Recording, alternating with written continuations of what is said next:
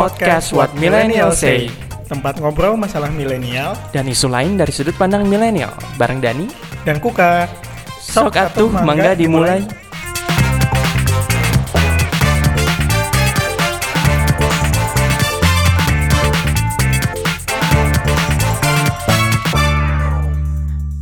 Kitab Undang-Undang Hukum Pidana atau KUHP yang berlaku saat ini telah berusia 101 tahun. Karena udah tua dan dianggap gak relevan lagi dengan zaman sekarang, muncullah rencana untuk revisi Kitab Hukum Pidana ini. Udah dari tahun 1960-an malah. Tapi ya sampai sekarang belum selesai. Sempat dijanjiin untuk jadi kado HUT RI ke-73 tahun lalu, tapi nggak jadi karena masih banyak ditentang sama masyarakat sipil khususnya. Kenapa ditentang? Soalnya ada beberapa pasal yang dianggap berpotensi bersinggungan dengan ranah pribadi yang harusnya nggak perlu jadi hukum pidana. Pihak yang kontra bilang pasal-pasal ini berpotensi disalahgunakan untuk jadi malah menghukum yang nggak bersalah. Nah, kita udah coba tanya nih pendapat beberapa teman kita soal pasal-pasal yang dianggap bermasalah ini. Jadi mereka setuju apa enggak ya? Hmm, coba kita dengar jawaban mereka. Halo, nama saya Salim usia 26 tahun, saya milenial dari kota Bandung. Halo, saya Fahri, saya milenial dari Jakarta. Pertanyaan pertama, apakah kamu setuju pasangan kumpul kebo itu dihukum secara pidana dengan catatan ada orang yang melaporkan perbuatan mereka? Jawabannya nggak setuju. Justru yang ngelaporin harus dilaporin balik. Kenapa dia ngerasa dirugiin jika dia melihat pasangan kumpul kebo? Terus ya mungkin apa motif dia gitu sampai ngelaporin pasangan kumpul kebo jangan-jangan dia cuma pengangguran kepo aja atau orang yang punya dendam pribadi misalnya. Atau dia jomblo terus sirik. Atau mungkin dia juga mantan pacar yang belum bisa move on kan bisa aja. Untuk pasangan yang kumpul kebo dihukum secara pidana itu saya tidak setuju. Karena itu hanya masalah komunikasi dan melanggar norma-norma sosial lah sebetulnya. Kalau misalnya norma sosial, menurut saya tidak perlu hukum pidana, hukum perdata juga sudah cukup. Atau misalnya ya semacam denda, peringatan dan sebagainya supaya tidak mengulangi perbuatan itu lagi. Karena kalau dipikir-pikir ya memang secara kasat mata kumpul kebo atau cohabitation itu normal-normal saja, asalkan dilaporkan dan semua orang tahu gitu loh. Karena yang jadi masalah tuh kan kalau misalnya dilaporkannya itu kenapa gitu dilaporkan itu loh yang jadi pertanyaan selama itu bukan kumpul kebo untuk merencanakan peledakan bom. Atau let's say some weird shit like that.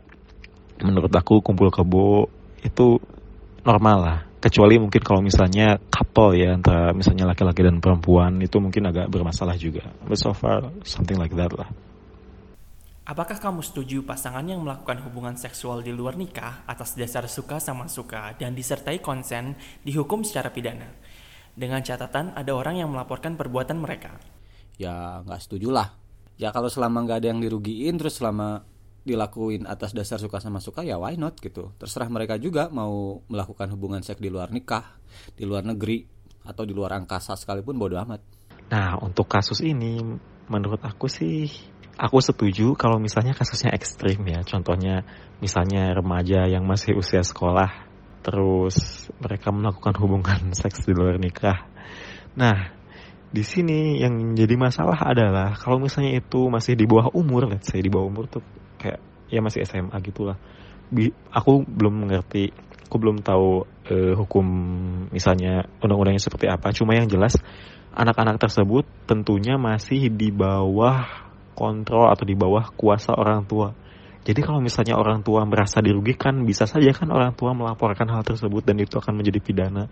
Karena bisa bisa jadi bisa jadi orang tua akan melaporkan si anaknya itu atau misalnya anak yang menyetubuhi anaknya sebagai penculik karena tidak ada konsen dari orang tuanya seperti itu. Atau misalnya kasus kedua adalah semacam perselingkuhan. Itu kan perselingkuhan di luar nikah juga kalau menurut aku. Nah, itu pun ya tentunya kalau misalnya salah satu pihak merasa dirugikan, ya bisa saja itu kan menjadi semacam pencurian. Makanya ada terms seperti pelakor and something like that.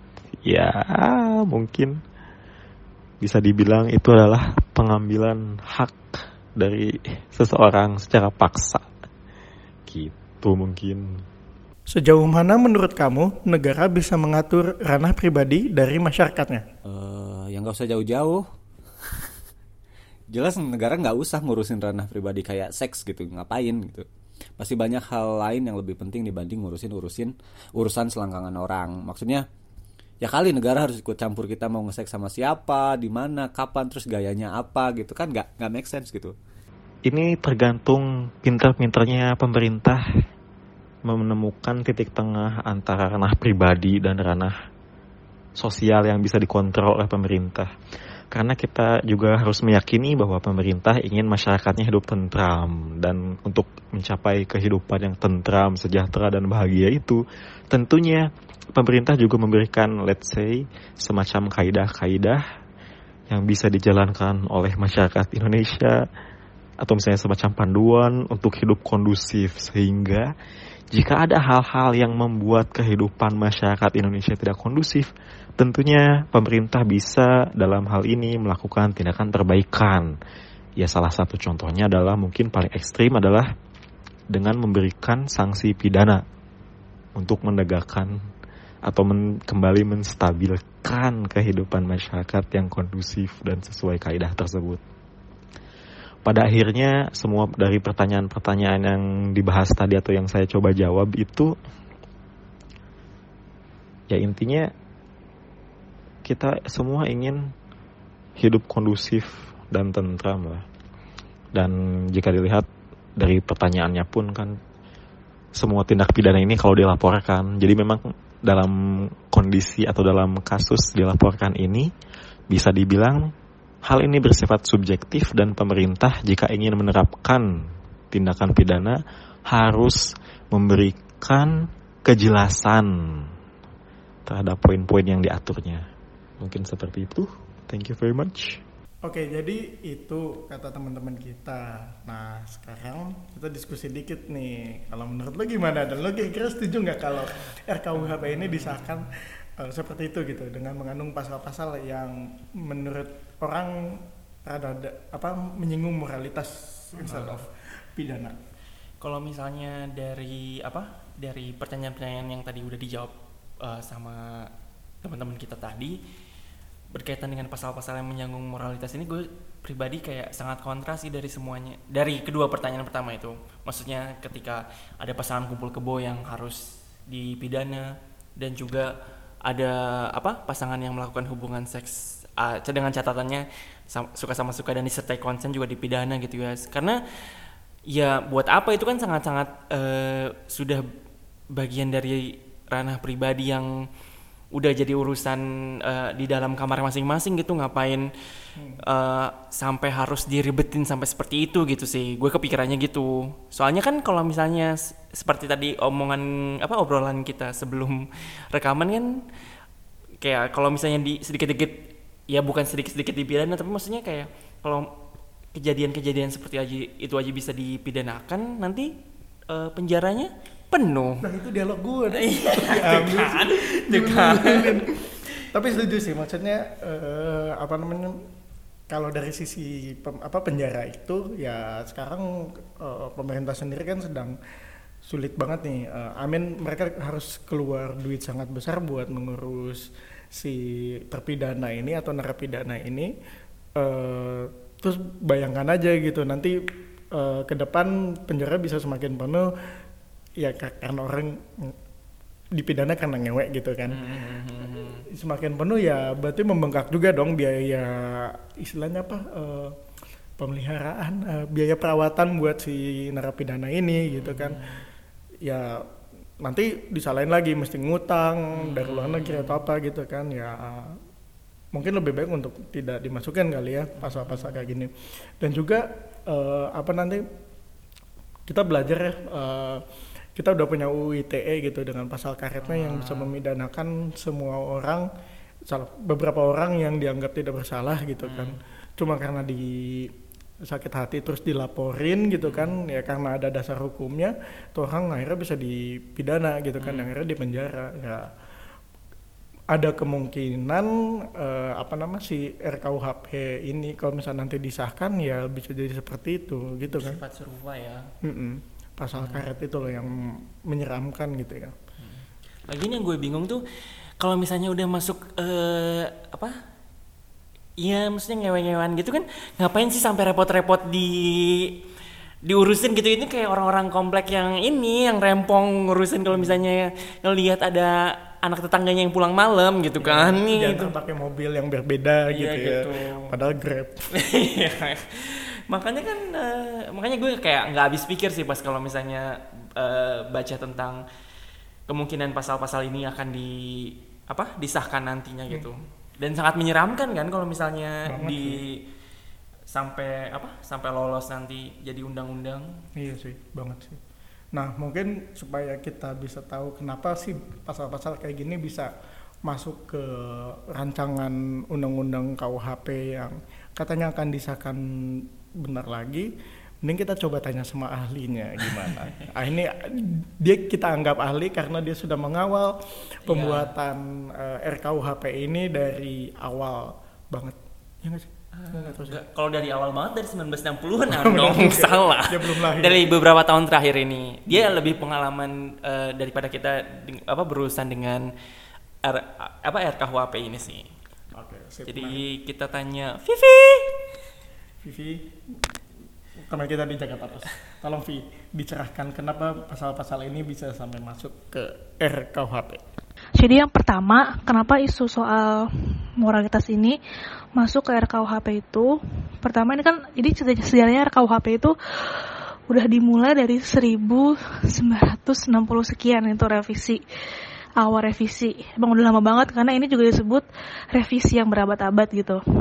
Nah, dari awal semua niatnya mau merevisi secara keseluruhan. Jadi kita punya sistem hukum yang lebih komprehensif, sistem pidana yang lebih komprehensif dan lebih modern. Terutama dalam hal moral ini gitu.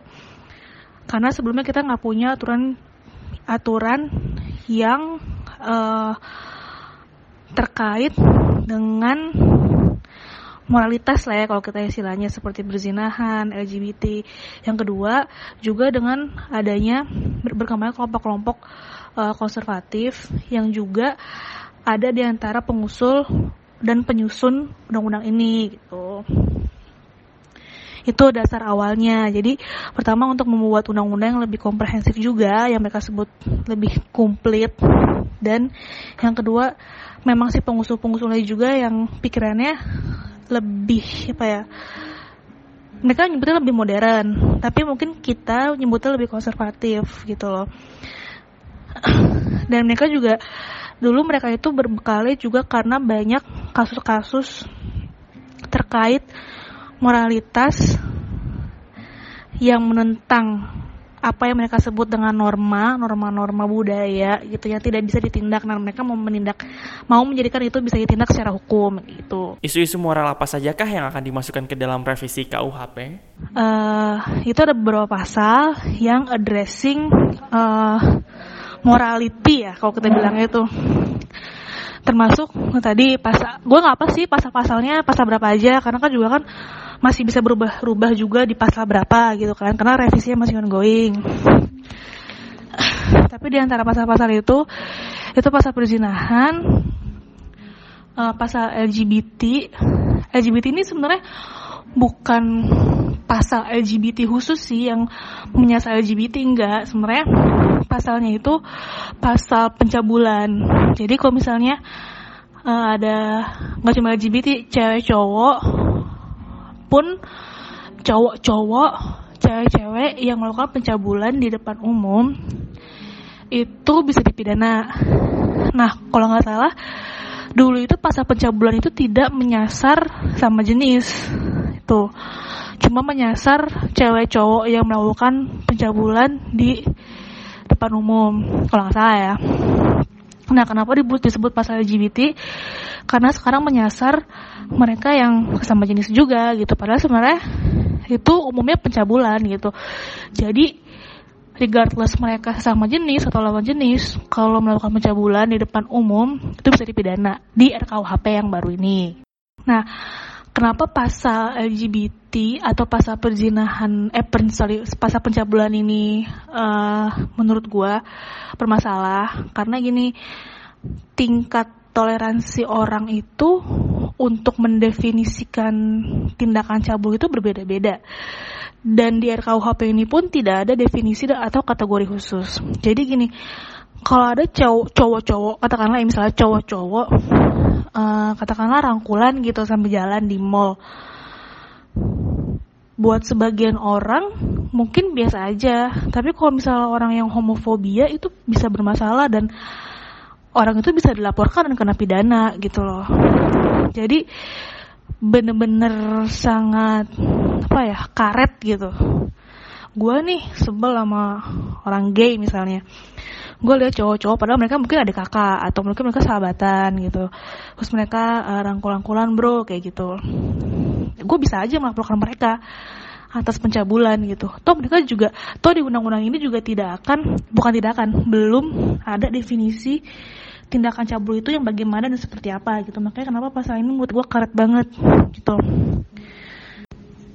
Nah terus ada lagi pasal perzinahan. Nah ini menarik dan juga termasuk pasal karet menurut gue uh, karena di undang jadi di undang-undang KUHP yang dulu yang sekarang yang existing law itu uh, pasal perzinahan uh, mempidana mereka yang sudah menikah tapi kayak selingkuh gitu misalnya uh, orang nih udah suami istri suaminya berzina dengan perempuan lain yang bukan istrinya atau istrinya berzina dengan laki-laki yang lain yang bukan suaminya nah itu bisa dipidana tapi sekarang uh, jadi jadi jadi di di hukum yang sekarang tuh bisa dipidana asalkan si yang pelakunya ini sudah punya ikatan pernikahan gitu dengan orang lain gitu.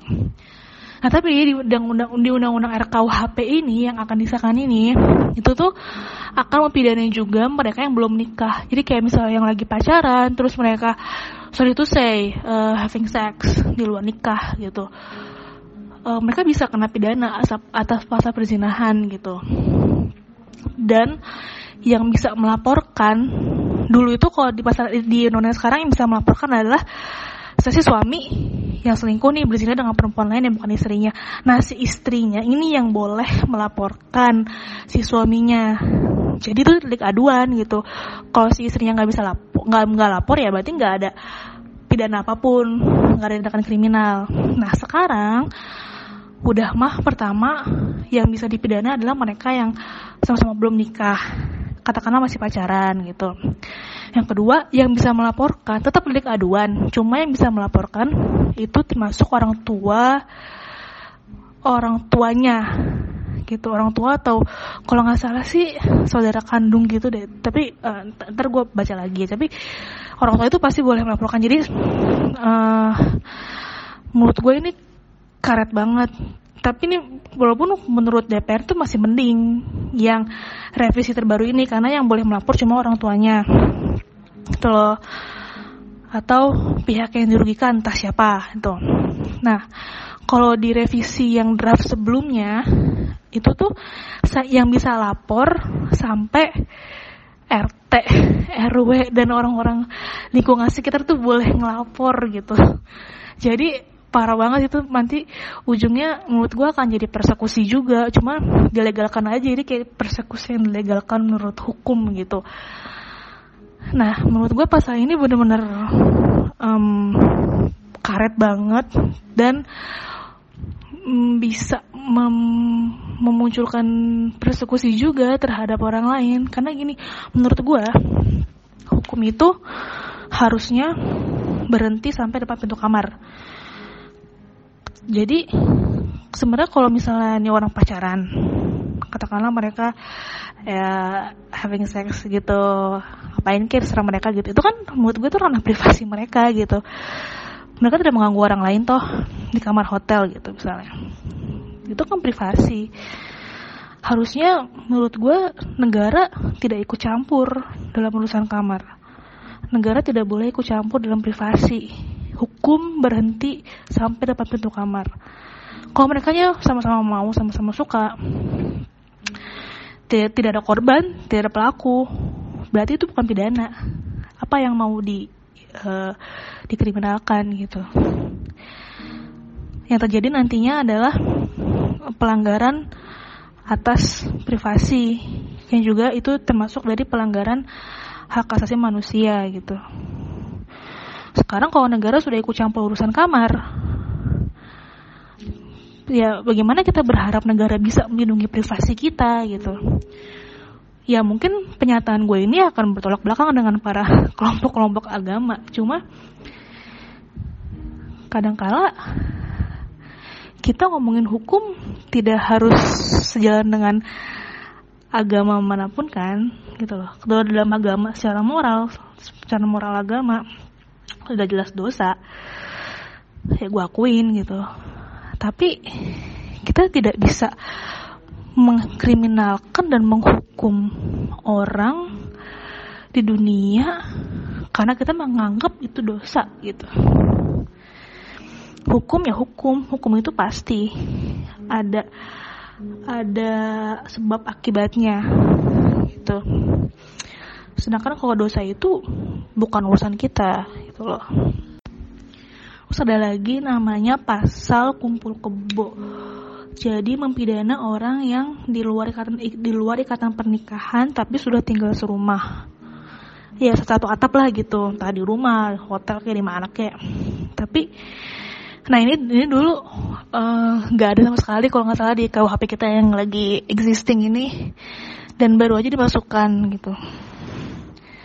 Ya alasannya sih uh, kata si orang-orang DPR ini alasannya karena kita ini budaya timur, kita tuh menjunjung moralitas, makanya masa belum nikah udah tinggal bareng, itu kan budaya barat gitu-gitu loh.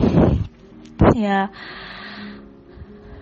Ini juga termasuk pasal karet menurut gue karena menurut gue ya orang mau tinggal bareng gimana ya itu serem mereka sih. Itu pilihan hidup mereka masing-masing gitu. Kenapa sih? Menurut gue negara harus ikut campur dengan pilihan hidup personal warga negaranya gitu.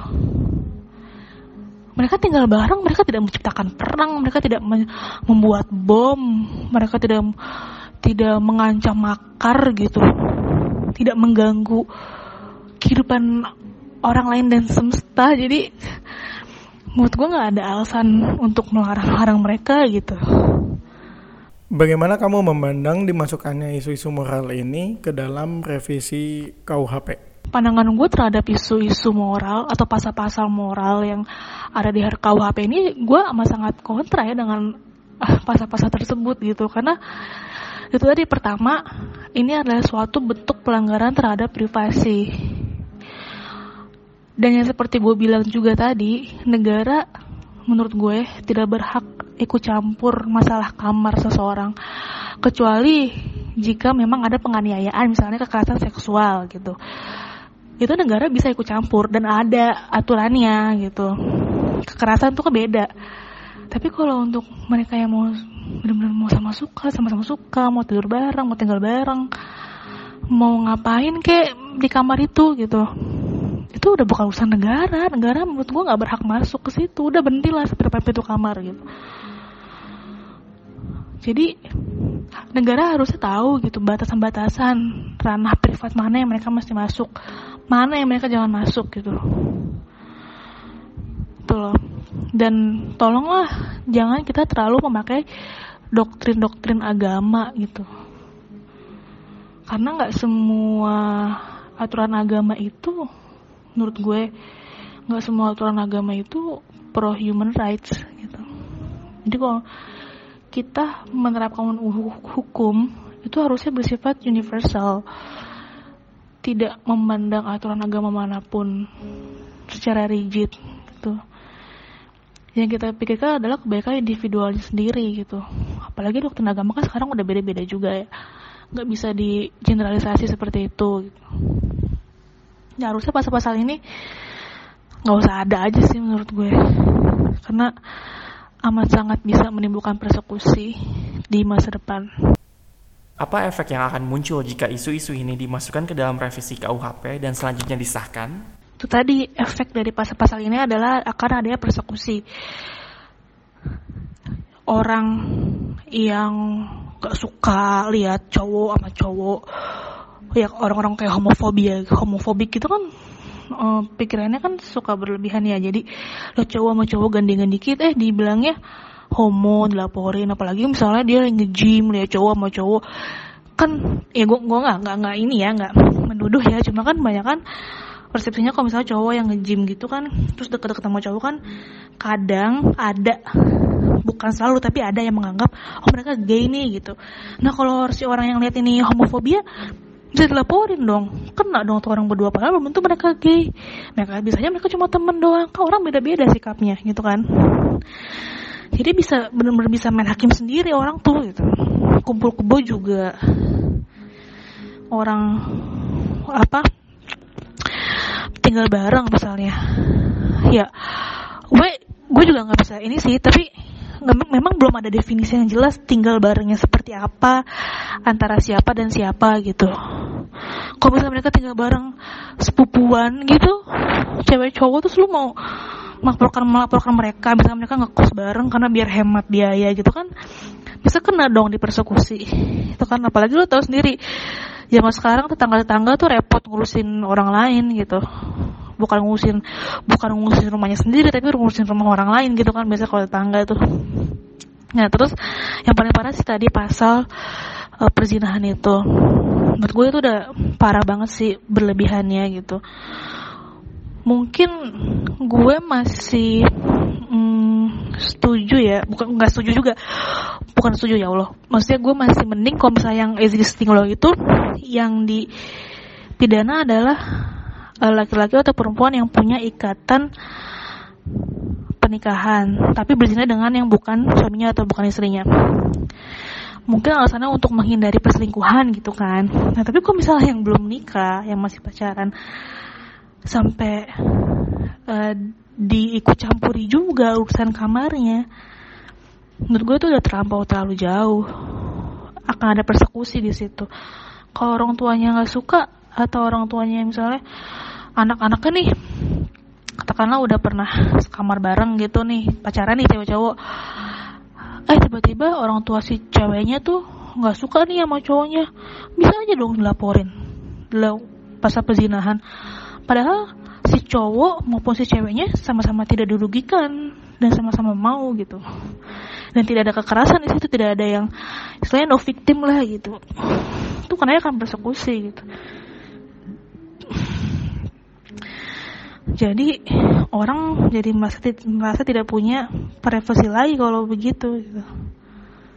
Kalau gue kasarnya, gue bilang ini perusakan terhadap privasi manusia gitu. Negara yang harusnya melindungi privasi manusia itu kenapa jadi ikut campur? Ya, setelah mendengarkan uh, penjelasan dari Vivi tadi, eh apa sih? ya apa to recap uh, to summarize uh, sebenarnya kalau kita berdua sendiri uh, dan Vivi dan beberapa teman kita di awal tadi sudah berpendapat bahwa uh, kayak kita nggak setuju deh kalau misalnya rancangan KUHP yang seperti ini yang disahkan. Kenapa? Karena mengandung pasal- pasal-pasal yang uh, apa namanya tadi? Berpotensi disalahgunakan gak sih? berpotensi disalahgunakan karena berkaitan dengan isu Yang moral sangat-sangat pribadi ya itu. dan pribadi gitu kan Eh, ah, kan selain apa? sorry sorry. Privat, Oh iya. gue tuh tulisan gue jelek ini. Eh, Iya jadi kan ya yang yang paling intinya kan maksudnya kalau dari isu-isu moral yang kita lihat ini ini kan benar-benar sangat ranah privat yang benar-benar sudah kayak udah nggak bisa diganggu gugat maksudnya itu kayak itu benar-benar kayak hak prerogatifnya masing-masing individu kan dan jadi yang ngapain sampai harus direbetin segala gitu Dan sebenarnya juga nah itu tadi yang sempat di mention sama Vivi kalau misalnya eh, pasal-pasal ini malah bakal efeknya bisa jadi apa persekusi dari beberapa pihak tertentu kepada pihak-pihak eh, minoritas mungkin ya Ya, Ah. yang misalnya apa namanya? Kan ada tuh beberapa orang yang tidak mampu mungkin ya, terus tidak bisa eh, tidak punya biaya untuk mungkin eh, ke KUA atau ke Hmm. Dukcapil gitu kan. Karena itu ada di pusat kota atau kabupaten sedangkan dia tinggalnya di pelosok gitu kan. Hmm. Ya kalau misalnya yang kayak gini ya dia bisa jadi masuk definisi yang menyalah eh, apa Gunakan istilahnya? eh, kumpul kebo gitu. ya violating Ya. yang kumpul Salmon kebo gitu lover. kan. ya kemudian dia bisa dipidana padahal dia nggak nggak bersalah gitu kan Hmm. Pada akhirnya nanti menyebabkan penjara makin penuh. Hmm. negara juga makin terbebani sama banyaknya narapidana yang ada di lapas gitu. Dan ujung-ujungnya juga kalau misalnya kita lihat kan ya negara-negara juga yang rugi kalau misalnya itu. kan. bener kalau misalnya penjara penuh ya. Ya, terus selain yang moralitas juga sebenarnya kan ada beberapa pasal lain yang dipermasalahkan juga ya di eh, revisi KUHP ini kan. ya gitu. Kayak satu apa dan? Eh, kayak yang pasal penghinaan eh, presiden. Ya dan selanjutnya juga ada eh, pasal korupsi. Ya, kan apa namanya kalau sebenarnya KPK sendiri juga me- menentang eh, soal korupsi ini diatur di RKUHP gitu kan. Karena kalau di bahasa hukumnya korupsi itu kan special crime, eh, tindak pidana khusus. Ntar kalau masuk ke RKUHP itu jadi tindak Pidana pidana, biasa. biasa. gitu kan Oke. yang ya akhirnya tidak apa istilahnya tidak tidak menghukum banget gitu loh efek-efek oke, oke, jerahnya oke. jadi mm, apa namanya jadi nggak spesial lagi Ah, gitu kan Eh, atau apa namanya ada ketentuan bahwa orang tuh bisa di apa sih dibebaskan Mm-hmm. eh, dari penjara dari lapas eh, kalau misalnya dia sudah berlaku apa gitu padahal kan selama ini kalau gerasi soal apa atau pengurangan hukuman Soal untuk korup- korupsi. Koruptor itu kan eh, ada syaratnya yang lebih ketat lagi kan Hmm, oke, oke. Nah, takutnya itu bisa ya gitulah melemahkan agenda pemberantasan korupsi di Indonesia. Oke. Jadi apa sih yang seharusnya kita lakukan ke depannya itu? Mudah-mudahan gue sih berharap kalau misalnya eh mau- kan mereka apa ada ancang-ancang kalau misalnya mau jadi kado ulang tahun buat apa? eh HUT RI yang pada tahun ini gitu. Ke 74 kan. 74. Ya. Ya mudah-mudahan sih masih bisa dikaji ulang ya apalagi berkaitan dengan pasal-pasal yang sensitif tadi gitu. Dan kita sih bisa terus eh, tetap apa? mengawal eh Pembahasan Ya. RKUHP ini sehingga tidak kembali menyentuh ranah privat itu sih ya. karena nanti efeknya yang dirugikan juga kita semua gitu. Benar, semuanya dan juga negara rugi. Ya. Kuka, oke. Oke, jadi eh, sementara segitu dulu kali ya. Ya, segitu dulu. Kalau misalnya mau diskusi lebih lanjut, boleh dicolek. Eh, Dani termayang dicolek di akun twitternya @rasa_dan_irama. Dan kalau Kuka di at eh, Lupa kan? eh enggak enggak. Kak Kahfi 106. Betul, Gitu. itu berlaku untuk Instagram dan Twitter. Ya, itu. Eh, monggo aja dicolek kita berdua dan mm, sekali lagi kalau misalnya ada yang punya ide episode atau mungkin pengen mengajukan diri sebagai narasumber Ya. di episode kita. Ayo kita sangat terbuka sekali. betul sekali apalagi Dani yang terbuka menerima kita semua, menerima kalian Menerima segala masukan dan juga itu. dan juga jadi narasumber. Oke, eh, sampai ketemu di, di episode selanjutnya. selanjutnya. Apa nama podcast kita? What Eh.